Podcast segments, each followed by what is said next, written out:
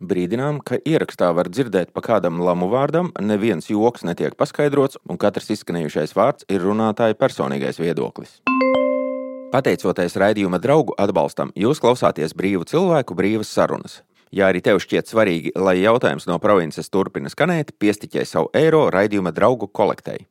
Saiti ziedojumam atradīsi šīs sērijas aprakstā. Šajā sērijā dzirdēsiet Kā var gādāt par drošību teritorijā, kur 20, 30, 40 km garumā nav neviena cilvēka? Vispār neviens nedzīvo. Pirmkārt, kompensācija nebūs pakļauta parādu piedziņai, un otrkārt, šī kompensācija būs lielāka par to, kas ir šobrīd Somijā, Igaunijā, Lietuvā un droši vien citur. Bē! Un tā tad viņi ir miljardu parādā un vēl pa miljonu nopērk mašīnu un dirž zaļu mums virsū. Nu, Tas ir. zaļu, zaļu. Jā, Jūs zināt, to pensiju aprēķinot, ir tāds G koeficients. Tas nav tas pats, kas G punkts, kurš eh, ir vairāk saistīts ar erotiskiem priekiem. Un... tieši Rimšēvits un Valdis Dombrovskis bija tie, kas nolēma mūsu ekonomiku un līdz ar to iedzīvotājus ilgai mokošai ienākumu samazināšanai un gadiem ilgai bezcerībai.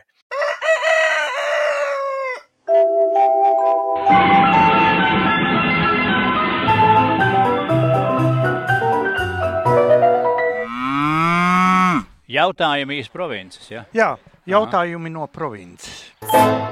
Dzintris un Mārcis dzīvo laukos, bet nevar palikt vienaldzīgi pret valstī notiekošo.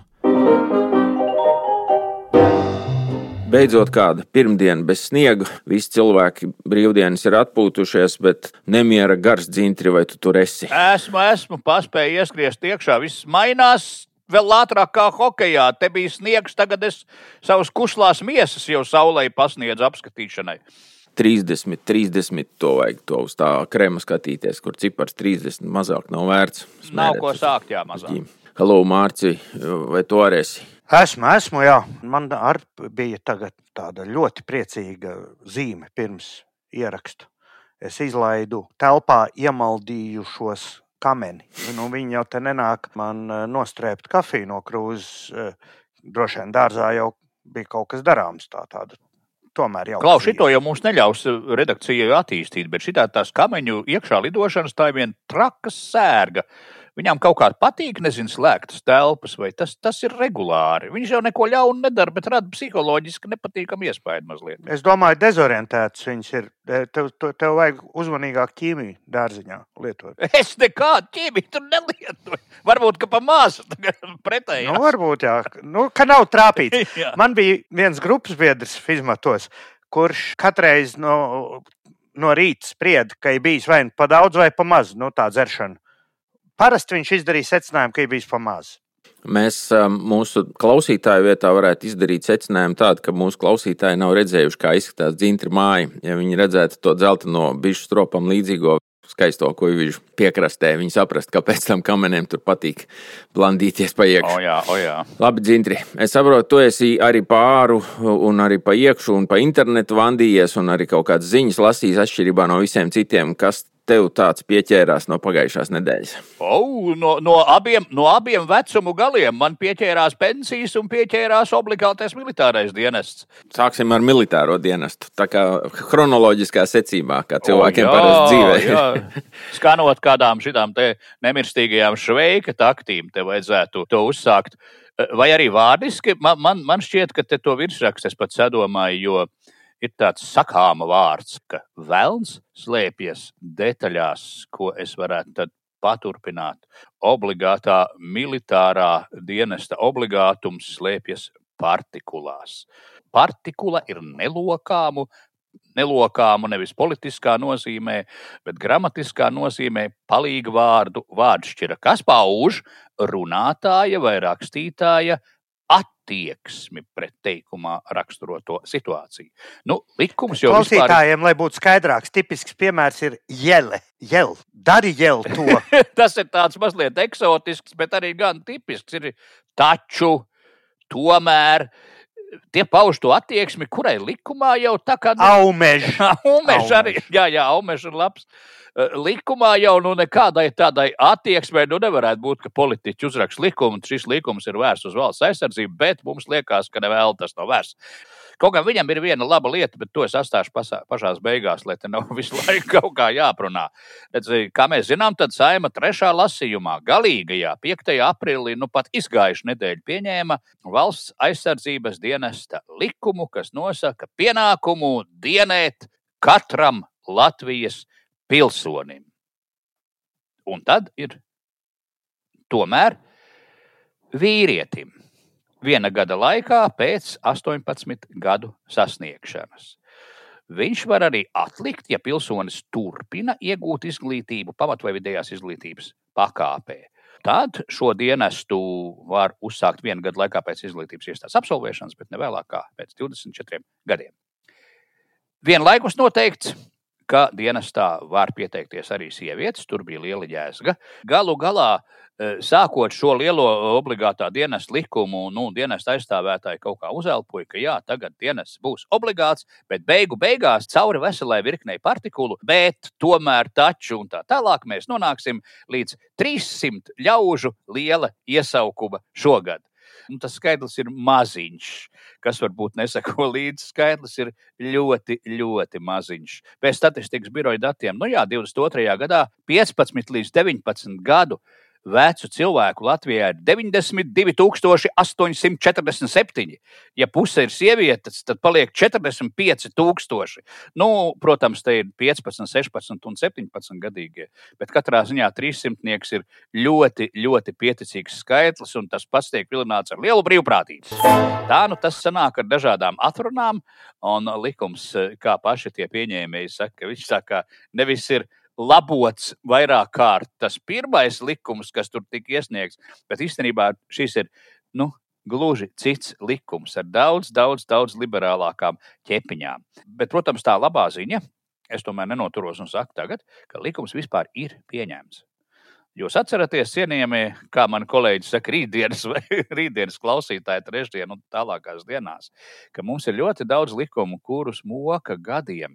Tāpēc, ka tajā skaistajā oreolā tītais sapnis ir uztaisīt pilnīgu, lielisku, vislabāko likumu pasaulē. Nu, kamēr to visu labo un darba grupē, tikmēr laiks iet un likums savu funkciju neveic. Te izgriezās otrādi. Viss notika ļoti, ļoti ātri, un nu pat jau likumā vēl prezidents vēl nav izsludinājis nemaz, bet tūlīt jau nāk pirmais iesaukums, un jau pa 106 tūkstošiem eiro ir plānots izstrādāt un radio un internetā izvietot Nacionālo bruņoto spēku uh, rekrutēšanas reklāmas. Tā kā lieta. 106 tūkstošiem? Jā, jā, jā, jā. Tas ir cik uz vienu degunu sanāk? Ar 106 tūkstoši, arī 300, cik mārcis tas ir uz vienu iesaucamu. Nu, tur. Tā tad, Pat jā, tādu naudu, man liekas, var nopirkt Nē. cilvēku kaut kur Āfrikā. Lai, lai galvas rēķinus atvieglinātu, tā tad 106 tūkstoši, ja mums būtu Mārcis ņem eh, nopietni. eh, 106 tie iesaucamie, tad būtu 1000 uz deguna. Ja? Tā kā viņu skaits eh, ir trīsreiz lielāks, nu tad te jau ir tā, ka tā reklāma droši vien ir no skaidrs zināms, ka viņi dos kādam tādam reklāmas kantorim, kurš kā parasti naudu nosper un nesūdu neizdara, ka tas sasniegs nu, viens vai divi procenti tā efektivitāte būs. Līdz to no tiem 106 tūkstošiem visticamāk, nu, divi vai trīs tiks iesaukti. Ja? Uz, vai varbūt tu tagad naudu ar ciparetu, naudu ar ar cilvēkiem sajauc? Jā, jā, jā, jā, es to tīšu. Un- ir, ir arī. Tas ir. Es vienkārši gribu pievienoties atbalstam dzintrim, ka šeit process ir svarīgāks par rezultātu. Ir vajadzīga reklāma. Reklāmā visticamāk nav sabiedriskās attiecības iekšā, jo tur tik mazu skaitļu nekad nav. Nē, nē, Tur bez nē, 400 vispār nekas, bez 400 tūkstoši nekustās. Un tad, ja vēl paskaidrīs, tur, eh, kas tur viss ir jāiepērk un visādi pārvietojamies stendi un kas, tad uz katru iesaucamo nu, kaut kāds tūkstotis līdz divi gan jau kas sanāks. Mēs tūlīt varēsim sākt skaitīt. Tur būs tas, ko tu teici, un pat vairāk. Bet jāturpina tomēr ir tādā partikulu kontekstā. Jo tomēr aizsardzības ministrija, neskatoties ne uz ko, informē, ka pirmais iesaukums 1. jūlijā uz brīvprātības pamatiem gan uzsāks savu, savu dienestu. Nu, baigi knaši. Brīvprātīgā pieteikšanās jau ejot vaļā, un tur arī ir pierakstīts, ka jauniešiem un ģimene, ģimenēm esot liela interese, bet nav teikts, par ko tad īsti ir tā interese, pa iespējām tikt vaļā vai pa iespējām tikt iekšā šajā dienestā. Tātad, kā es teicu, 300 cilvēku šogad. Tālāk gan, atkal man partikuli jāliek, tomēr no 24. gada 1. janvāra, no 24. gada 1. janvāra dienests tiek noteikts kā obligāts. Cik iesaukšot? Nu, te atkal ir partikula. Jāatzīst, ka arī otrajā iesaukumā sākotnēji pilsoņi tiks aicināti iestāties brīvprātīgi. Taču nepieciešamības gadījumā tās trūkstošās personas iesauks, nosūtot lēmumu par iesaukšanu valsts aizsardzības dienestā, cik iesauks, nu, tik cik vajadzēs. Neviens īsti to nav pateicis, un arī cik būs naudiņas. Pie tam obligāti iesaucamos noteiks pēc nejaušības principa. Man šķiet, ka te derētu, ziniet, tā televizorā, nu, tie loto vai kas tur tagad ir, kur, kur tā smukā meitene parasti tur dežūrē pie tām bumbiņām, kas lēkā pa to stikla burku un beigās izlec ārā. Spēlētājs ar kārtas numuru 4. Un tas ir Nauris Koris, kurš pārstāv Lauris Kora šajā te rītā. Nu, apsveic, Forši, 4. numurs, 4. vieta finālā. Vēl, protams, draugi, blakus nu, tādam mums saprotamam militārajam dienam, dienestam ir alternatīvais dienests, kurš var tikt izvēlēts reliģiskas, apziņas un domu pārliecības dēļ. Nu, ja es tā domāju, ka man dienēt negribas, nu, tad es arī to nevēlos. Jo, diemžēl, to alternatīvo dienestu būs jāveic aizsardzības ministrijas padotībā esošās iestādes. Kāpēc, diemžēl? Kāpēc, diemžēl? Nu, tā, tāpēc, ka, manuprāt, humāni būtu, ja katrs jauns cilvēks tajā vietā, kur viņš strādā, nu, no kaut kāda brīža ir zīmogs, ka viņš tur tagad pilda alternatīvo dienestu. Daļēji jau tas notiks augstskolās, jo raugi mūsu, mūsu gājumu cilvēki atceras. Nu, vismaz mana studija biedra to Latvijas universitāte, piedodiet par krievu valodu, vai Ennaja kafedra, kur mēs visi tēlojām tādus šveikam līdzīgus idiotus, un neviens, protams, īsti neko nemācījās. Un tad būs skaistais jautājums, jo arī tagad valsts aizsardzības dienesta varēs pildīt piecu gadu laikā apgūstot augstskolu vai koledžas studentiem paredzēto rezerves virsnieka programmu militārās izglītības iestādē vai Nacionālo bruņoto spēku vienībā. Tā tad kaut kas līdzīgs nu, tai kara katedrai, kura, kura kādreiz bija universitātē ar pavisam citiem uzdevumiem. Man te var cilvēki bļaut, ka tagad tas būs pavisam kaut kas cits. Tomēr nu, jāpaskatās, kā iet ar šādu militāru sektoru ieviešanu, nu, nosacīt civilās augstskolās. Tas man tā īsti izraisa lielu interesi katrā ziņā. Tad vēl būs interesanti ar ārvalstniekiem, tiem, kas, džekiem, kas sasniegs 18 gadus, kas Latvijas pilsoņi, līdz 27. gadam netvarstīs tos, kuri dzīvo ārzemēs un kuri tur ir piedeklarējuši savu dzīves vietu. Kas notiks pēc tam? Likumā nekādi nav pateikts. Jā, un vēl ko es gribēju, tā viena labā ziņa e, ir visai skeptiski, nu kā tas savāks un tikai 300 cilvēku. Es domāju, ka 300 cilvēkus jau nu, es liktu uz tām derībām, ka savāks gan ātri un knaši. Jo jaunajā likumā vēl ir noteikts, ka maksās kompensāciju, ja teiksim, tiem, kas iet dienēt. Un pirmkārt, kompensācija nebūs pakļauta parādu piedziņai, Un otrkārt, šī kompensācija būs lielāka par to, kas ir šobrīd Somijā, Igaunijā, Lietuvā un droši vien citur. Bē! Mums būs ikmēneša kompensācija 600 eiro apmērā. Tajā pašā laikā Somijā obligātā dienesta karavīra saņemot no 165 līdz 363. Igaunijā tur vispār no 100 līdz 230. Lietuvā arī kaut kas starp 200 un 375. Nu, mums ir tāda ritīgi tauka un branga kompensācija katru mēnesi. Mierīgi var dzīvot.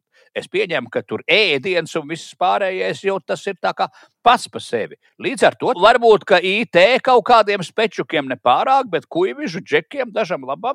Tīri lieliski liktos šāda laika pavadīšana. Tā kā nav jau viss nemaz tik slikti. Tikai to lielo kompensāciju jau saprotiet, mīļie politiķi, to jau uz leju vairs dabūt nevarēs nekādīgi. Ja tas cilvēku skaits tur paliks lielāks, nu, tāpat jau jāmaksā vien būs uz priekšu. Un tad čīkstēšana būs nu, tā kā nevietā. Un nobeidzot šo stāstu, man ir jāsaka arī tā, ka uh, iepratī mūsu 300 cilvēkiem pirmajā gājienā droši vien, ka daudzi zina, ka Lietuvā nu, ik gadu tiek iesaukti ap 4000 vīriešu, vairums piesakoties brīvprātīgi. Igaunijā ik gadu ap 3500. Nu, mēs ar tiem 300 izskatāmies pagaidām diezgan amizanti. Tomēr, jā, tā, turpinot šo partikulu stāstu, tomēr labi ir tā, nekā nekā, un nebeidzamās darba likumas un briesmīgi ideālā un skaistā likuma meklējumi ir e, labā ziņa, ka diezgan ātri konkrētajos politiskajos apstākļos, lai nu kā tur būtu bijis, likums ir pieņemts un tas sāks savu, varbūt iesākumā mazliet klimovu gaitu, bet e, būtība slēpjas partikulās un īstenībā jau nemaz tik baigi, baigi slikti nav. Ir ar ko sākt.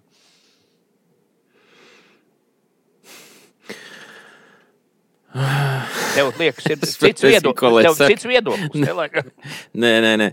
Es, es arī priecīgs par to, ka ir izkustējies, jo tur tagad ir divas iespējas, ka vai nu šito sačakarēs pamatīgi, vai tomēr kāds ņems un uzlabos to visu. Jo skaidrs, ka šis nav risinājums. Tas ir formāls solis. Un, diemžēl, ja mēs gribam runāt par kaut kādas kaujas spējīgas rezervistu armijas gatavošanu, tad šis nav ne, ne risinājums, ne ceļš.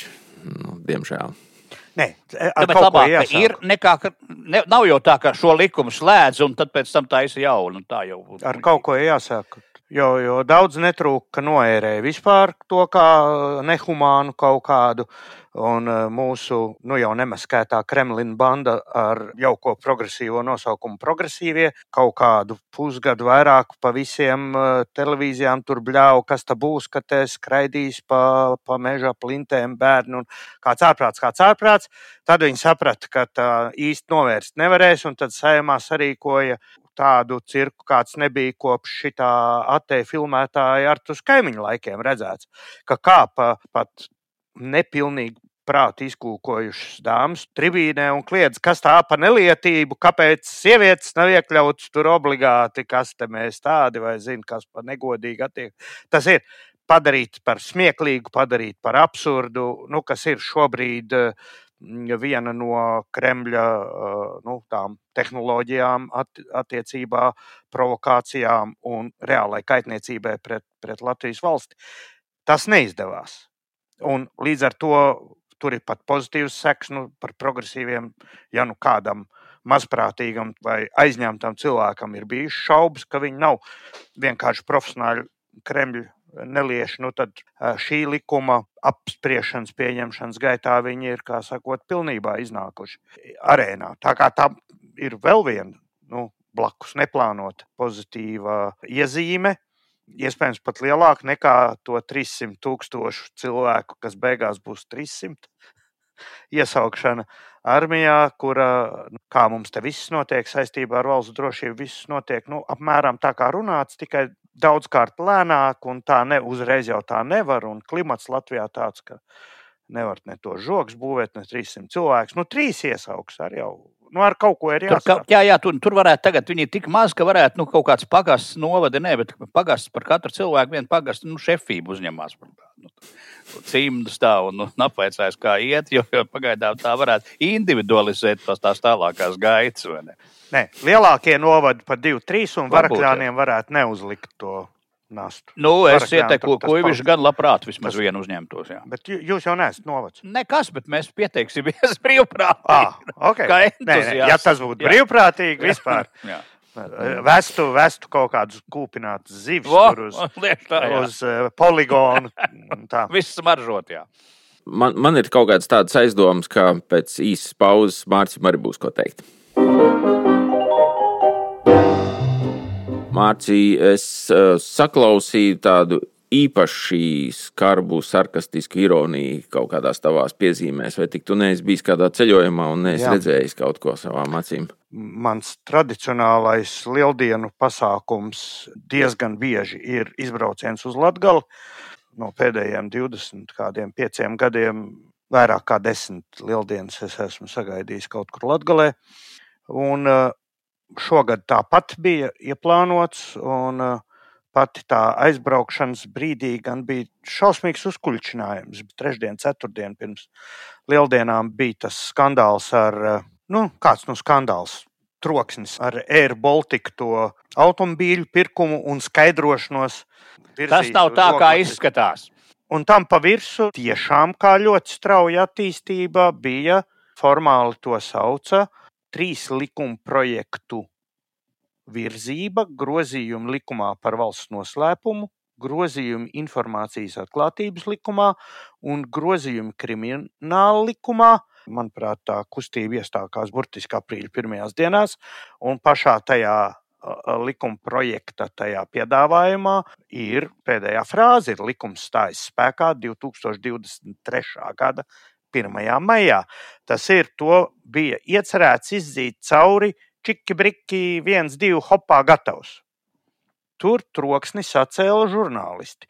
Netipiskā kārtā, jo lielākoties mūsu žurnālisti pārtiek no tā, ko viņiem uh, piesviež, bet šito viņi bija paši sausījušies, jo tas attiecās uz viņiem. Šie grozījumi likumā par valsts noslēpumu faktiski paredzēja, ka žurnālists no jebkura veida informācijas aprits var izslēgt gandrīz bez jebkāda iemesla. Un tas bija tas troksnis. Tas troksnis man palika aiz muguras. Kā sakot, apatūra iekrauta, mašīna zuz un dodos savā latgales izbraukumā. Un, un eh, man nebija iemesla atrunāties no braukšanas līdz pasienei. Es tur kā desmit gadi nebiju bijis, jo tas tomēr ir tik tālu, ka vienmēr nu, ne, nesanāk, nesanāk, nesanāk. Tā tad pasienā pasienē, pasienē. atrodas, pasienē atrodas Svētā Dominika baznīca, Romas katoļu baznīca. Pašreizējā ir celta 1761. gadā, bet pirmā baznīca tur ir uzbūvēta 17. gadsimta beigās. Pasienas baznīca ir apbrīnojami skaista. Un, lai man atvaino Es netīšprātīgi kaut kā lai noniecinātu, bet Aglonā ir bijuši droši vien vairums Latvijas iedzīvotāji tā vai citādi ir kādreiz Aglonu redzējuši. Pasienas baznīca ir neapšaubāmi skaistāka.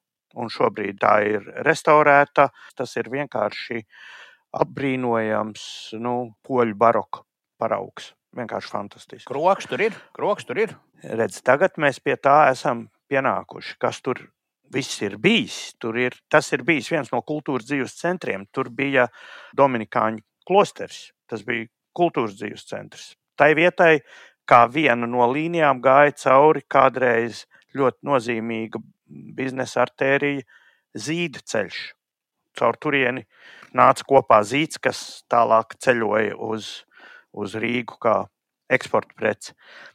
Un, eh, nu, skaitās, ka tur ir eh, šis un tas un viss kaut kas, bet, ja godīgi, tas ceļš no šķaunis līdz pasienai, kurš ir būvēts kā rokādas ceļš, kā pierobežas ceļš. Ja? Es teikšu tā, vēl pāris sezonas un civīlie pa to ceļu izbraukt nevarēs. Armija, protams, ar savām tehnikām kaut kā tiks galā. Ceļš ir vienkārši drausmīgs.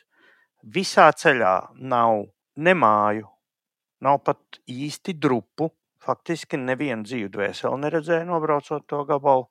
Es atkārtošu, tā ir Krievijas un Baltkrievijas pierobeža. Turpat ir zilupe, ja? kā robežupe.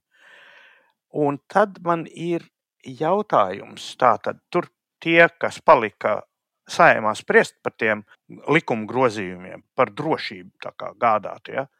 Kā var gādāt par drošību teritorijā, kur 20, 30, 40 km garumā nav neviena cilvēka? Vispār neviens nedzīvo. Nu, rītīgi droši. Tas ir no kuras puses skatās. Nav ienaidnieka aģentūras. Tas ir šādu teritoriju ieņemt. Tas ir nav pat 5 minūšu, tas ir 3 minūšu jautājums. Ja? Tur nav nekā. Tas ir pilnīgi iztukšots. Un šis te tukšums, un ne tikai Latvijā, nākošajā dienā es nobraucu tā skaitā vienu no kādreiz ļoti skaistākajām, ainaviskākajiem Latvijas ceļiem. Es nobraucu gan Gulbena alūksni caur Stāmerienu to ceļu, gan no alūksnes caur Ziemeļu valnu tur tālāk uz ziemeļiem. Uh, tur arī pret to, kā tur bija pirms 20, 25 gadiem, faktiski ir nu, tikpat kā tūkstnesis palicis. Ja? Ne, ne tik traki kā maršrutā šķauna pasienu. Šitais te baigi labi iet kopā ar to, ko mēs ar Mārciņu nu, esam jau dzirdējuši droši vien neskaitāms reizes par to Latgales. To, to finansējumu, kas ir gāzts iekšā Latvijas attīstīšanai. Man liekas, kādas kampaņas piecas ir bijušas dažādos laikos ar labiem jā, miljoniem. Jā. Un kampaņai ir rezultāts, un rezultāts ir tāds, ka nauda ir apgūta. Protams. Tas ir galvenais kampaņas rezultāts. Un daži smaida ūsās. Jā, jā. Un citos un, apmetojumos. Jā, un uh, būvē kaut kur blakus Jurkam Mārupē, tur mājiņu. Tas tukšums, protams, nav radies vienā dienā. Nav tā kā atombummas sprāgus. Depopulācija notiek gandrīz nepārtraukti pēdējos 30 gadus Latvijā. Mūsu iedzīvotāju skaits ir samazinājies tātad pakāpeniski no nu jau visu šo gadsimtu un drusciņu jau kopš pagājušā gadsimta. Tie, kuri atceras padomu laikus, zina, ka mēs vienmēr lepni stāstījām, ka Rīgā ir nu, tikpat kā miljons iedzīvotāju, Latvijā 2,5 un 2,6 un 2, un nu, tūlīt jau būs. Tūlīt trīs, būs trīs. trīs nu, būs tūlīt. Nu, pat būs trīs. Kā mēs zinām, šobrīd Latvijā vairs nav divu miljonu iedzīvotāju. Ja? Tā tad lauku depopulācija ir saistīta ar šo Rīgas izaugsmi, ar nērto un nerentablo dzīvi laukos, arī padomu laikā, bet aizlausta vispār mūsu nācijas dzīves ziņa, mūsu dzīves spēks bija tika 49. gada deportācijās. 49. gada 25. vai laikam formāli tas ir 25. 29. marts, uh, uh, bija tieši vērsts pret laukiem, lai nodrošinātu kolektivizāciju. Tātad tur bija uh, oficiālos papīros, var redzēt, tur ir četras kategorijas - kulaki un viņa ģimenes, tas ir zemnieki. Ja? Bandīti un nelegālisti, tātad tie, kas laukos un tur mežos palīdzēja, viņu ģimenes locekļi un tā tālāk.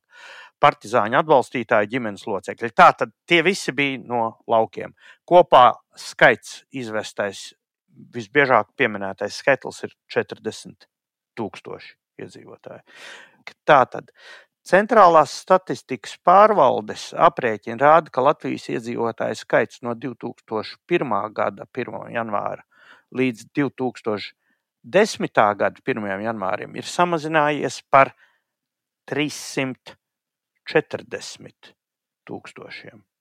Desmit gadu laikā, šī gadsimta sākumā, no kuriem 129 tūkstoši apmēram ir negatīvais dabiskais pieaugums, proti, izmirst vairāk nekā piedzimst, bet tā ir mazākā daļa. Vairāk kā 200 tūkstoši ir migrācija šajā periodā. Pie kam līdz 2008. gadam tas reģistrēto izceļotāju skaits, nu, tie, kuriem var izsekot pēc papīriem, bija 20 plus mīnus 5000 gadā. Bet 2010. gadā tieši tajos krīzes, tūdaļ pēc 8. un 9. gada krīzes, uzlec uz 40 tūkstošiem vienā gadā. Kāpēc es piesaucu te to 49. gadu? Ne tādēļ, ka es gribu salīdzināt genocīda nozīmē šos divus notikumus, ja? bet skaitliski tie ir salīdzināmi. 40 tūkstoši no Latvijas tika izvesti 49. gadā, no kuriem neliela daļa, bet atgriezās no tiem 200 tūkstošiem, kas ir izbraukuši no 2001. līdz 2010. gadam atgriezīsies mazāks procents. Šī depopulācija ir mūsu drošības apdraudējums. Tīrā, skaidrā, nepārprotamā veidā. Ja mūsu robežu nav kas sargā, mēs esam apdraudēti. Un šis prātojums nav par makroekonomiku. Es ne, neiedziļināšos tagad 8. un 9. gada krīzes finesēs. Un tomēr šis milzīgais migrācijas vilnis, kas ir piecreiz lielāks par 49. gada to vienu notikumu, traģisko. Un to priboju parasti kā galveno nu, to plakātu personu tiek uzrādīts Vils Lācis, nu, jo viņš tur ir parakstījis daudz ko. Ja? Un fonā paliek tur drošībnieki un tie pārējie, kas to darīja. Arī šim uzliesmojumam, šiem 40 tūkstošiem 2010. gadā, ir tādi paši priekšstāvi. Un es gribu, lai mūsu klausītāji to atceras. Šos priekšstāvis sauc Ilmārs Rimšēvics un Valdis Dombrovskis. Krīze radīja iepriekšējais burbulis, bet tāds bija visā pasaulē. Faktiski. Ekonomikas pārkaršana, nekustamā īpašuma drudzis, un, un tas bija globāls. Nokrakšķēja visa pasaule, un tas ir fakts. Un pat varbūt Rimšēvits bija viens no nedaudziem, kurš brīdināja trekno gadu valdība, ka ir jāpiebremzē un ka tur ir inflācija un tie kredīti pa daudz. Un, jā, viņš to darīja. Bet tajā brīdī, kad nokrakšķēja, kad bija jāiet no krīzes ārā, tieši Rimšēvits un Valdis Dombrovskis bija tie, kas nolēma mūsu ekonomiku un līdz ar to iedzīvotājus ilgai mokošai ienākumu samazināšanai, un gadiem ilgai bezcerībai. Un bezcerība un attieksme pret valdību, pat visos pat Hāno pētījumos, var redzēt, ir ļoti svarīgs stimuls aizbraukšanai no valsts. Desmitiem tūkstoši cilvēku aizbrauc. Ne tādēļ, ka viņam tajā brīdī nav ko ēst, bet viņš saprot, ka šeit palikt ir bezcerīgi. Jā, bet tu redzi, tu redzi ka nekādu šito kārmu. Es tā kā tur drusku ticu visādiem brīnumiem un bubuļiem, bet šitiem abiem zoksteriem tādu kārmu nekādu nevar piedēvēt, jo tu redzi, katrs no viņiem tagad ir pilnīgi citā sociālā sabiedrībā. Jā, bet tu ar, ar Ilmāru tu gribētu mainīties vietām? Nē, es, lai viņš mainās nu, mani, ja grib. Bet es arī ar es... valdi negribētu mainīties. Man te ir forši. Es domāju, valdes savu vēl dabūs. Nu, jā, viņš, tā, viņš jau vienkārši dieva dzirnas maļ lēni. Bērziņa paps viņu pierunāja tur drusciņu paraudāt un atka, apkāp, apkāpties no minpreža amatiem, bet tas viņu daudz neko pēc tam neuztraus.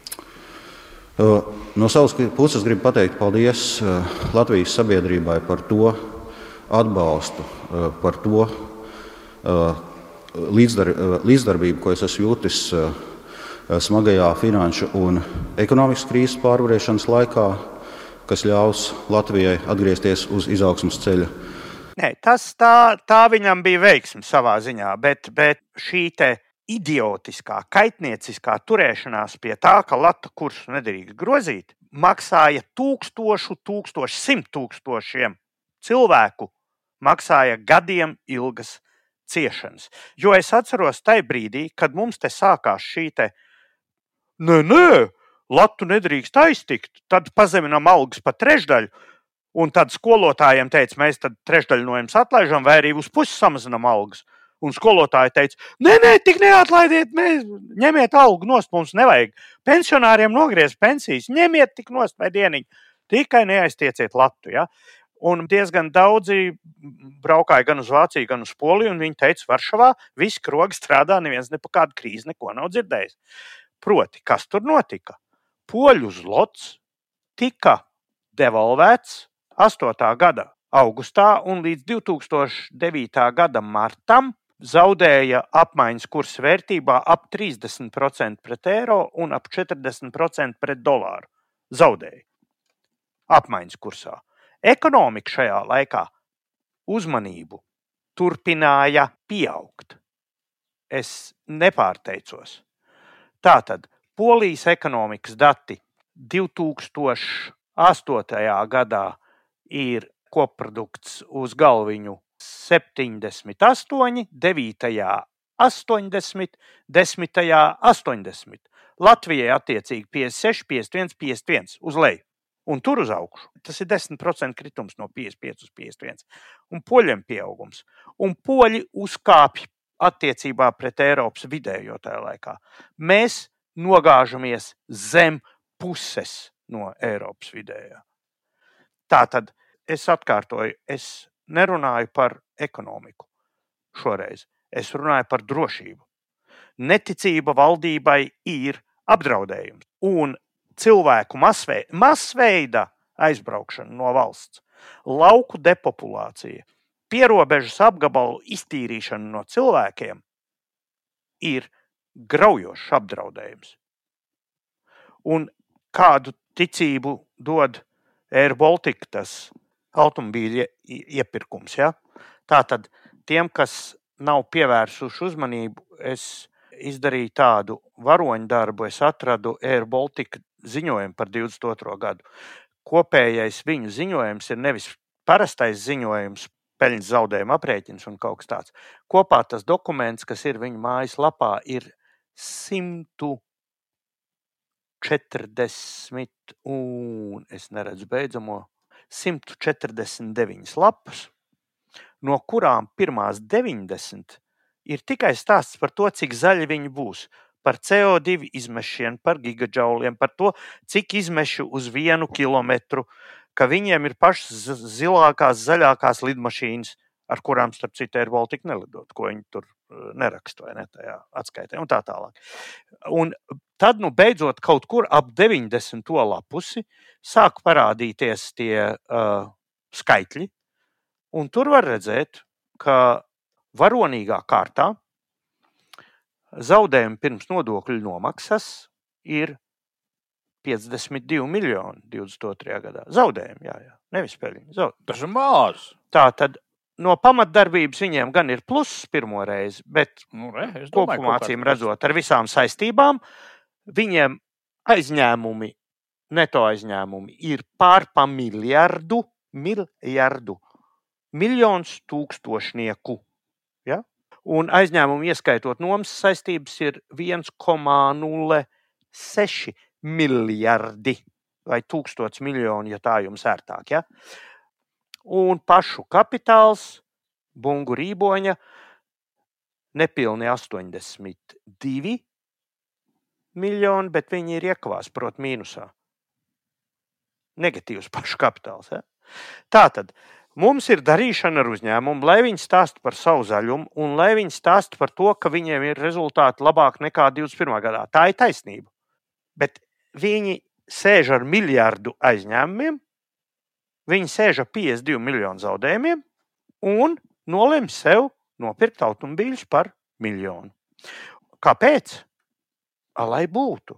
Jo no viņu paskaidrojumiem tajā viņa gada pārskatā izriet, ka viņiem tur ir 20 tādi un 12 šitādi, un visi ir elektroautorāti. Viņi visu to dara tikai klimata glābšanai. Viņi labprāt nepirkt tās mašīnas, bet, nu, redz, klimats jāglābj, tādēļ jānopērk.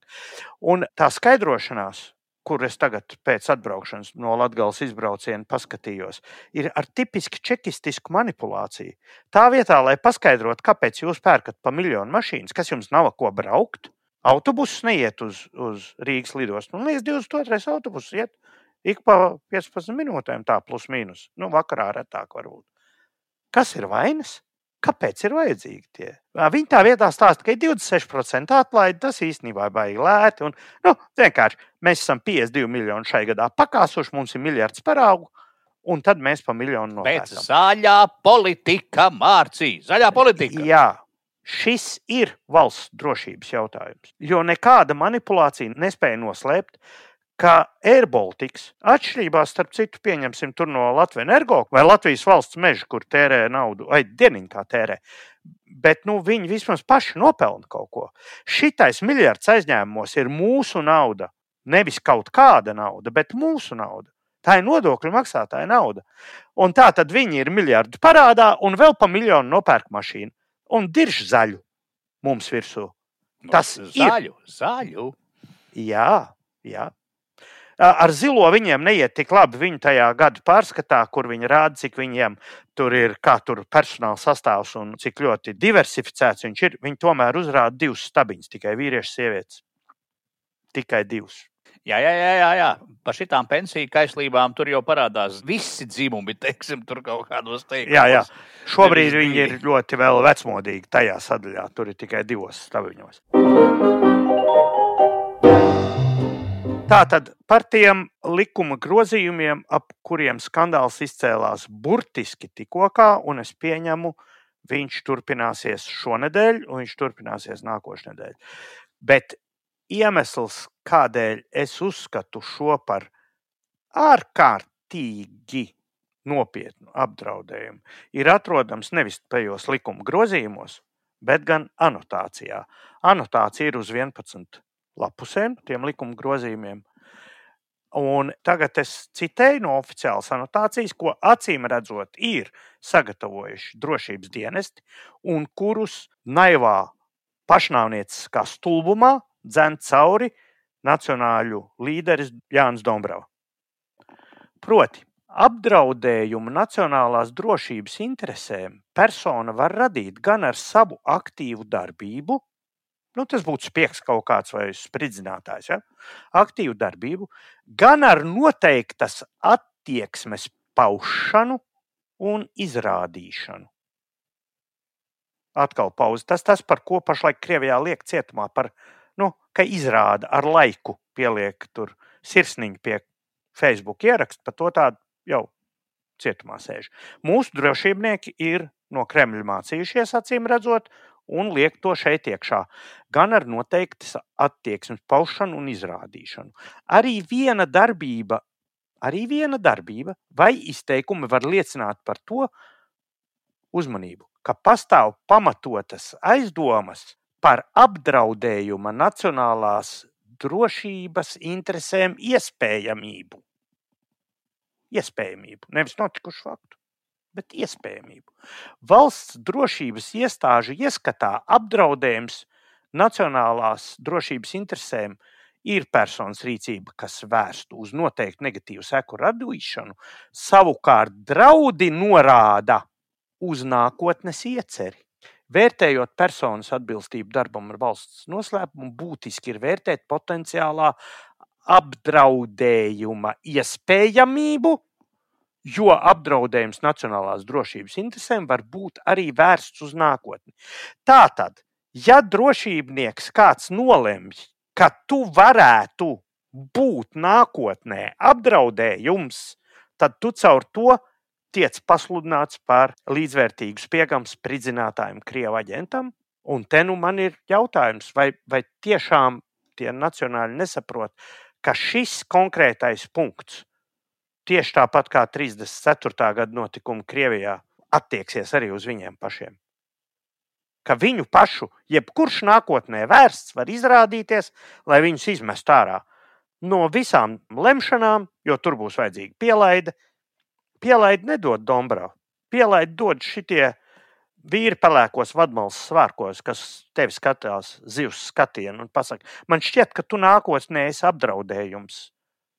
Un tādēļ lasies ārā no visurienes, no jebkura ministra amata, no valsts kancelēs vadības amata. Jā, bet kā tagad ar godu no šīs situācijas padot atpakaļ gaitu? ar godu sūdīgi ne? nesanāks īsti. Ar, tā, ar lielu godu vairs ne. Ar lielāku vai mazāku kaunu. Bet svarīgi ir tas, ka kārtējo reizi apdraudējumu mūsu drošībai, mūsu sabiedrības drošībai, uzticību valdībai rada cilvēki, kuri vienkārši nesaprātīgi rīkojas saimnes komisijās.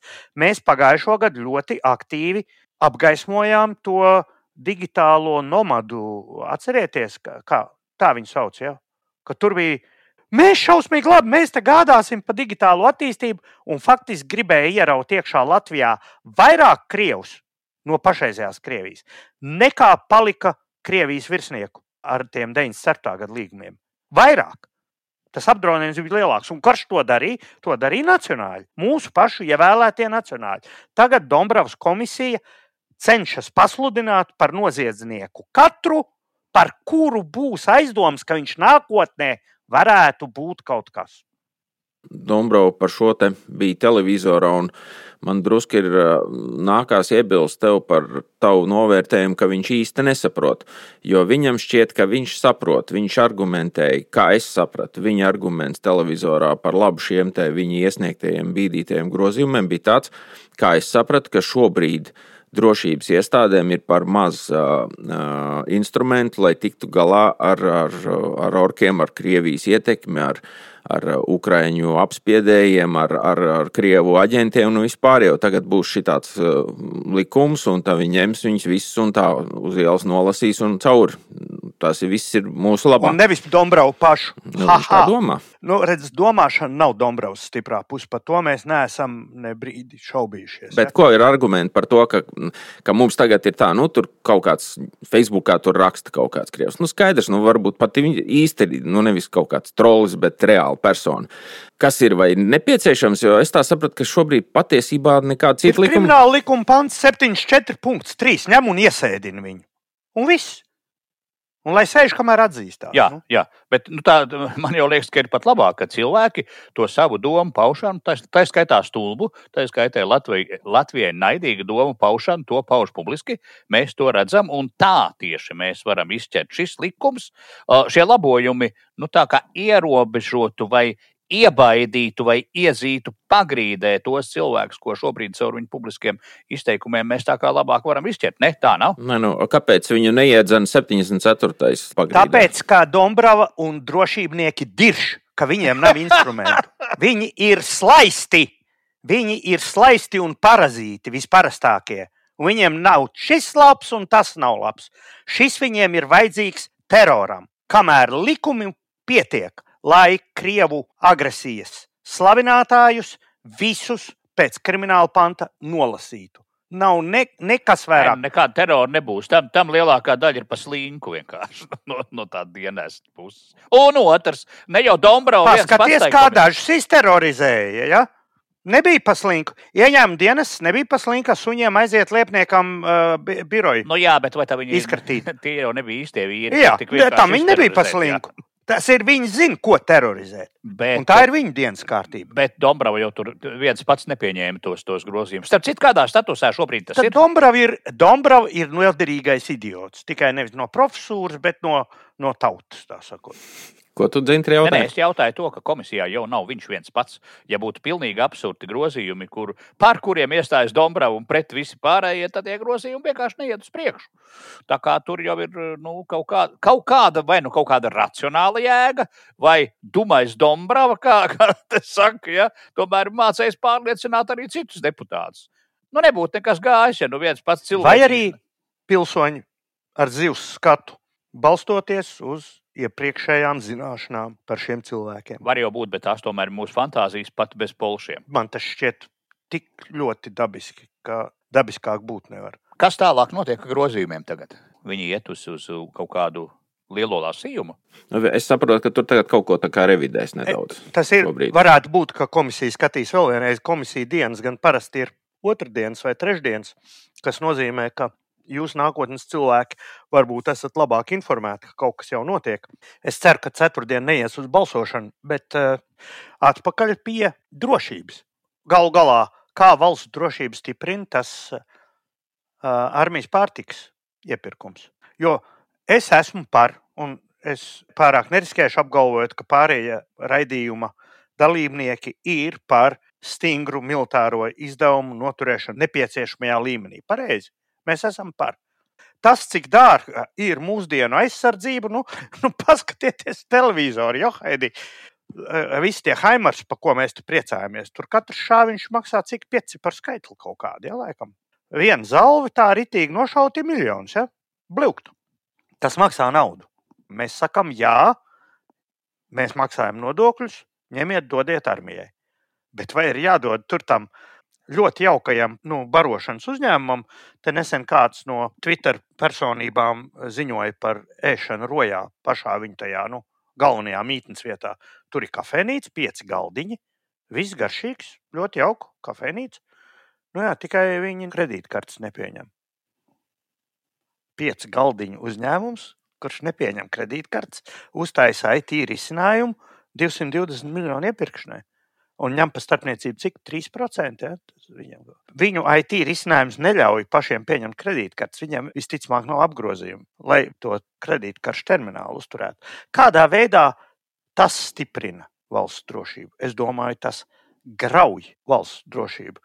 Un uz mani šī izbrauciena kultūra šoka radīja geogrāfija, kas notika. Ja piekdienā es biju pasienē un runājos ar vienīgo tur iespējamo sarunu biedru, kas bija ļoti kašķīgs ruts kaķis pie baznīcas durvīm un, un uh, bija neapmierināts ar notikumiem. Neviena cita dzīve radība tur nebija redzama kilometru attālumā. Un uh, nākošās dienas pēcpusdienā es biju Igaunijas kalnu kurortā Otepē, kas atrodas meža vidū, Hānijas kalnienē. Tur mežā iekšā kaut kādā 200 metru augstumā. Tā tad ceļa gabals līdz Igaunijas robežai bija pēdējais, kur es redzēju, kur man iznāca braukt pa grantētu ceļu. Visi pārējie ceļi un celiņi visā manā maršrutā, 400 km garumā, nebija ne centimetra neasfaltēta ceļa. Igaunijā. Un man ir pārliecība, ka valstī, kur katrs celiņš ir asfaltēts, kur visas sētas, kurām brauc garām, bija sakoptas. Visā garajā gabalā bija varbūt divas vecu māju, tādas nopietnākas drupas, sakoptas mūžas, ik pa brīžam normāls zemkopības, lauksaimniecības biznesa ainas un tā tālāk, bet viss no asfalta. Un pirms tam tas izbrauciens pa Latgalu, Latgales austrumiem, pa Ziemeļvidzem, kur uh, civilistu mašīna dabūtu rūkties. Es saredzēju tajā īsto apdraudējumu mūsu valstī. Un gribētu pabeigt uz pozitīvas nots. Pagājušajā gadā viens no galvenajiem būtiskajiem valsts apdraudējumiem ir novērsts. Proti, kaimiņš, pūce, bordāns, ākstīgos medaļus šķindinādam, ko kāds cits klauns viņiem tos ir iedalījis, ja, un viņi ir uz brīdi no lemšanas prom. Un tā bīstamība, kas izstaroja no atparistiem, kurus es uzskatīju par vislielāko apdraudējumu Latvijas drošībai, faktiski visticamāk mēs esam to pārslimojuši. Mēs paši apvingrojām viņu pārapmeklētos piketus, kur vienā bija uz 200 pieteiktiem, bija septiņi ieradušies, un otru bija divi puslaikam, tur vai cits kāds cilvēku skaits. Ja, tur. Tas ir uh, uz kaut kādu brīdi. Tas nav apdraudējums numur viens, un par šo vietu šobrīd sacenšas progresīvie, Rosļikovs, kā grupas, un personīgi Krišāns Kariņš ir pieteicies. Uh, viņš nejūtas labi, ka tie iet viņam acīm redzami iet garām. Šo piespēli par labajām ziņām un Krišānu Kariņu raidījumu turpinājumā dosim vārdu Cintrim. Mīļie draugi! Aicinu spirdzinošā pārgājienā pa kontrabandistu takām Kuivižu pusē. Čāposim pa maz staigātiem jūras, mežu un purvāļu nostūriem. Stāsti, fakti, leģendas un joki. Pēcgalā karsta zupa, ceptas reņģes un vietējo labumu mikrotirciņš. Piesakies pārgājienam manos Facebook un Twitter profilos. Būs forši! Labās ziņas, Krišjāns Kariņš. Nu, viņš noguris ir. Es tā domāju, nu, bet sūdīgi, ja premjerēšanas otrās atnākšanas jau pirmajās dienās cilvēks ir noguris un īsti nezina, nu, kā, ko runā, vai, vai nu, kā vajadzētu runāt. Kaut kā tāda noguruša un nervoza iespēja atstāja. Nu, nu, tas ir tā cilvēcīgi saprotams, un, un, un es turpat varētu viņu aicināt, iziet kādā pārgājienā un izstāstīt dūmas anekdotus vai vienalga kaut ko tādu, bet, bet nu, īsti tur tā kā premjeram neģēld. Bet kā Mārcis teica, ir jau arī labā ziņa. Redz, es, nu, patās, jūs arī dzirdējāt droši vien, ka, ka Krišānis nu pat nāca ar tādu nu, vispārinātu izteikumu, ka Latvijā būs jādomā par pensijas vecuma celšanu. Te var iebilst, bet man šķiet, mērot, mērot sabiedrības, it sevišķi tās aktīvās sabiedrības daļas reakcijas, nu, viņam tā drusku aizgāja pāri, ja mēs salīdzinājām ar to pilotu projektu, ko pirms neilga laika palaida varbūt nedaudz mazāk nogurušais Mārcis Sprindžuks. Jūs atceraties par to bezbērnu nodokli vai kas tur bija? Es domāju, ka tā brēka bija brēcīgāka brēka nekā par Krišjāņa pensijas vecuma celšanas hipotēzi. Vai arī nu, krišāni īsti vairs tā kā neņem pa pilnu, arī, arī tādu versiju. Nu, tā politisko aizkulisku kontekstā var būt, jo raugi, piemēram, ministri, tāpat Evika Siliņa, kas man nav nekāda diži simpātiska, bet viņa, nu, viņa nu, tu no vienas partijas apdīvi, jā, un, un, un tad viņa bija teikusi, ka viņa gan tā gluži nedomājot, ka būtu jādomā par pensijas vecumu celšanu, bet es apskatījos, jā, to nu, cilvēks tad arī dažreiz, kad viņš izpumpējies vai satraucies, tad viņš saka, ko domā. Nu, es vairs nevaru izturēt, man viss riebjas, naudas nav, jāceļ pensijas vai kaut kas. Nu, tā īstenībā jau viņš tā nu, neko baigi nepateica. Uh, tiesa, nu, tie viņa advokāti vai aizstāvi teica, ka viņš jau tikai teica tā, ka tagad būšot atļauts, tas to jau no drošības likuma grozījuma kontekstā, ka tagad būšot atļauts redzi runāt par tādām lietām. Pirms tam tas tā kā nebija oficiāli atļauts. Nu, tā kā ja premjerministrs saka, ka jāuzsāk diskusija, nu, tad var uzsākt diskusiju. Nu, jā, tas racionālais pamats ir tas, ka nu, tas naudas īsti nav, un tie pensionāri traki daudz, un nost arī nemirst. Es, nu, ne tik, tik ātri nemirst, kā varbūt gribētos, vai teorētiski ir pieņemts. Par to mēs vēl runāsim. Nu, jā, man šķiet, ka tas galvenais smagums jau īstenībā bija par visu to čupu, kas saucas, nu, vismaz man tā šķiet, kas saucas izdienas pensijas. Pirmkārt, tas nav likums, kas regulē laikam izdienas pensiju. Tas ir nolikums, nevis, nevis likums, bet nolikums, kurš ir pieņemts tālajā 90, kurā tur trešajā vai tam līdzīgā gadā, Mirklīt, es uzrullēšu virsū, lai es neesmu pārāk liekvārdīgs. To vēl ir parakstījis. Ah, 92. gada 26. martā viens no vecākajiem nu, darbojošamies likumdošanas aktiem, ministra padomus, Latvijas Republikas ministru padomus lēmums numur 104 parakstījis vēl Godmaņa kungs savā pirmajā valdīšanas laikā, un tur ministri Gūtmanis un, un, un, un Eniņš. Jā. Nu, lūk, Tagad par abiem lielajiem pensiju veidiem. Viens pensiju uh, liels bloks ir tas, kas manī interesē un par kuru runājot, es sāku uztraukties un stostīties. Nu, tas ir tā vecuma pensija, kura nu, man un daudziem ļaužiem, kas te klausās, drīz pienāks vai jau nu pat ir pienākusi.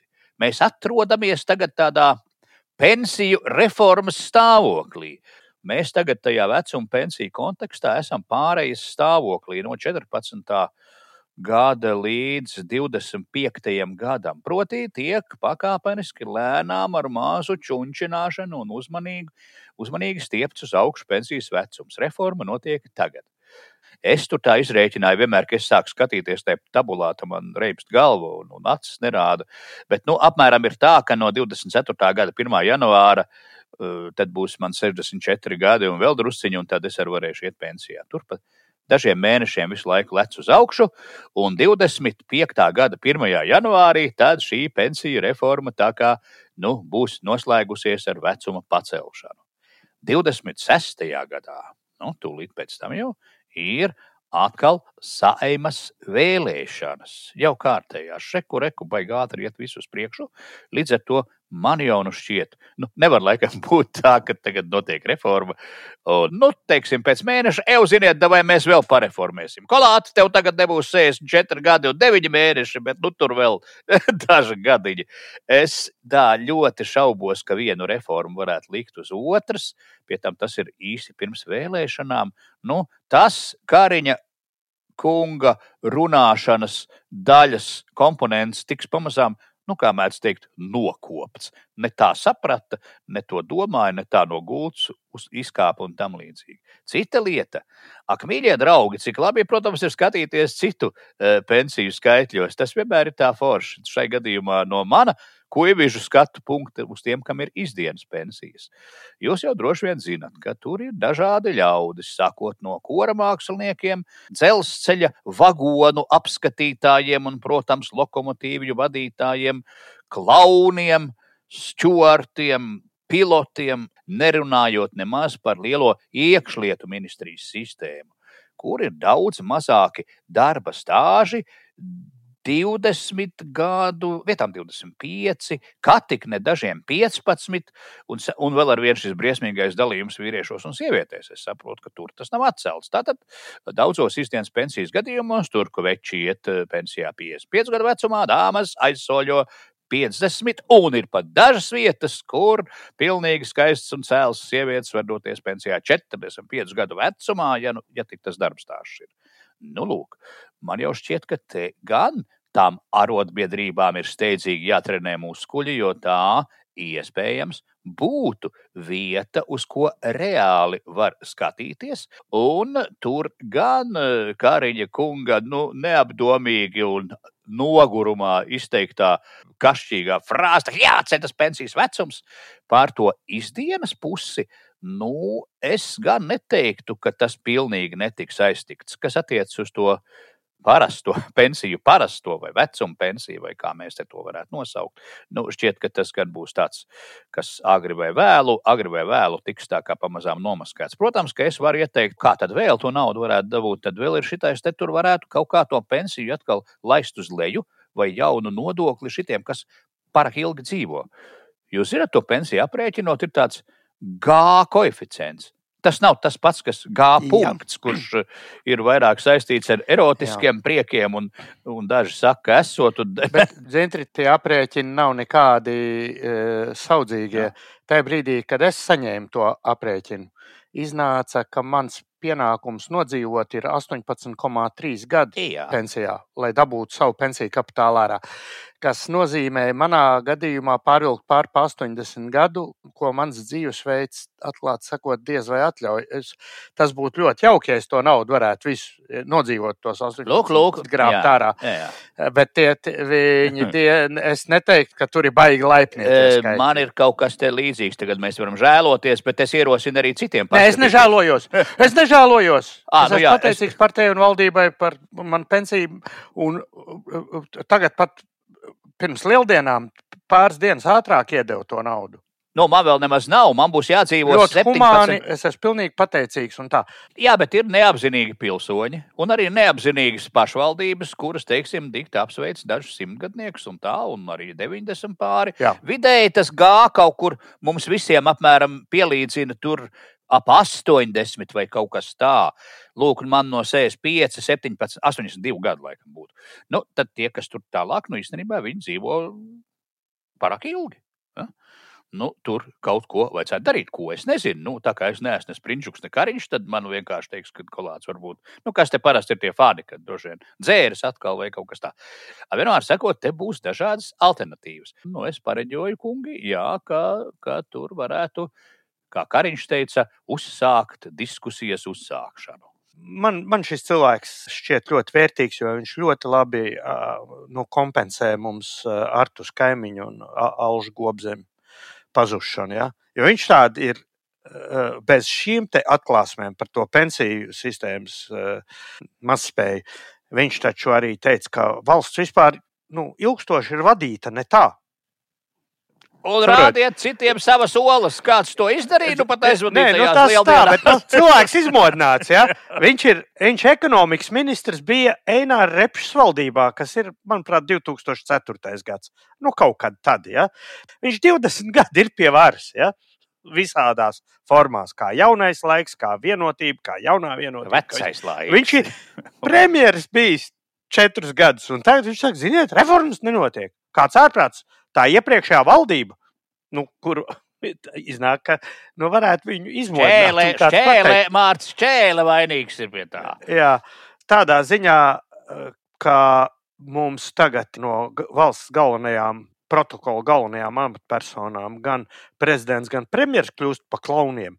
Klauniem izdienas pensijā arī tur ātrāk pienākā pensija. Un uz tā fona tur tas saimnes priekšsēdētājs vairs nemaz tik briesmīgi smieklīgs neliekās jau vairs. Nu, man šķiet, tas ir valsts drošības apdraudējums. Tā vēlējāmies pabeigt uz kaut kādas optimistiskas nots, bet jūs ievilkāt Tā bija, bija daudz optimismu pa vidu. Bija labi, daudz. laiks tāds saulains un silts bija. jā, Labi. Paldies par to, kas bija pa vidu. Paldies klausītājiem, kurš šo garo raidījumu atkal ir noklausījušies. Un, acīm redzot, tiekamies nākamā nedēļā. Veiksmi jums un ejiet, Ejiet! ejiet, ejiet dārzā, pasildieties saulītē. Jā, tā. Visu labu! Un atgādinām, ka jūs klausāties brīvu cilvēku brīvas sarunas tikai pateicoties raidījuma draugu atbalstam. Ja arī tev šķiet svarīgi, lai jautājums no provinces turpina skanēt, piestiķē savu eiro raidījuma draugu kolektei. Saiti ziedojumam atradīsi šīs sērijas aprakstā.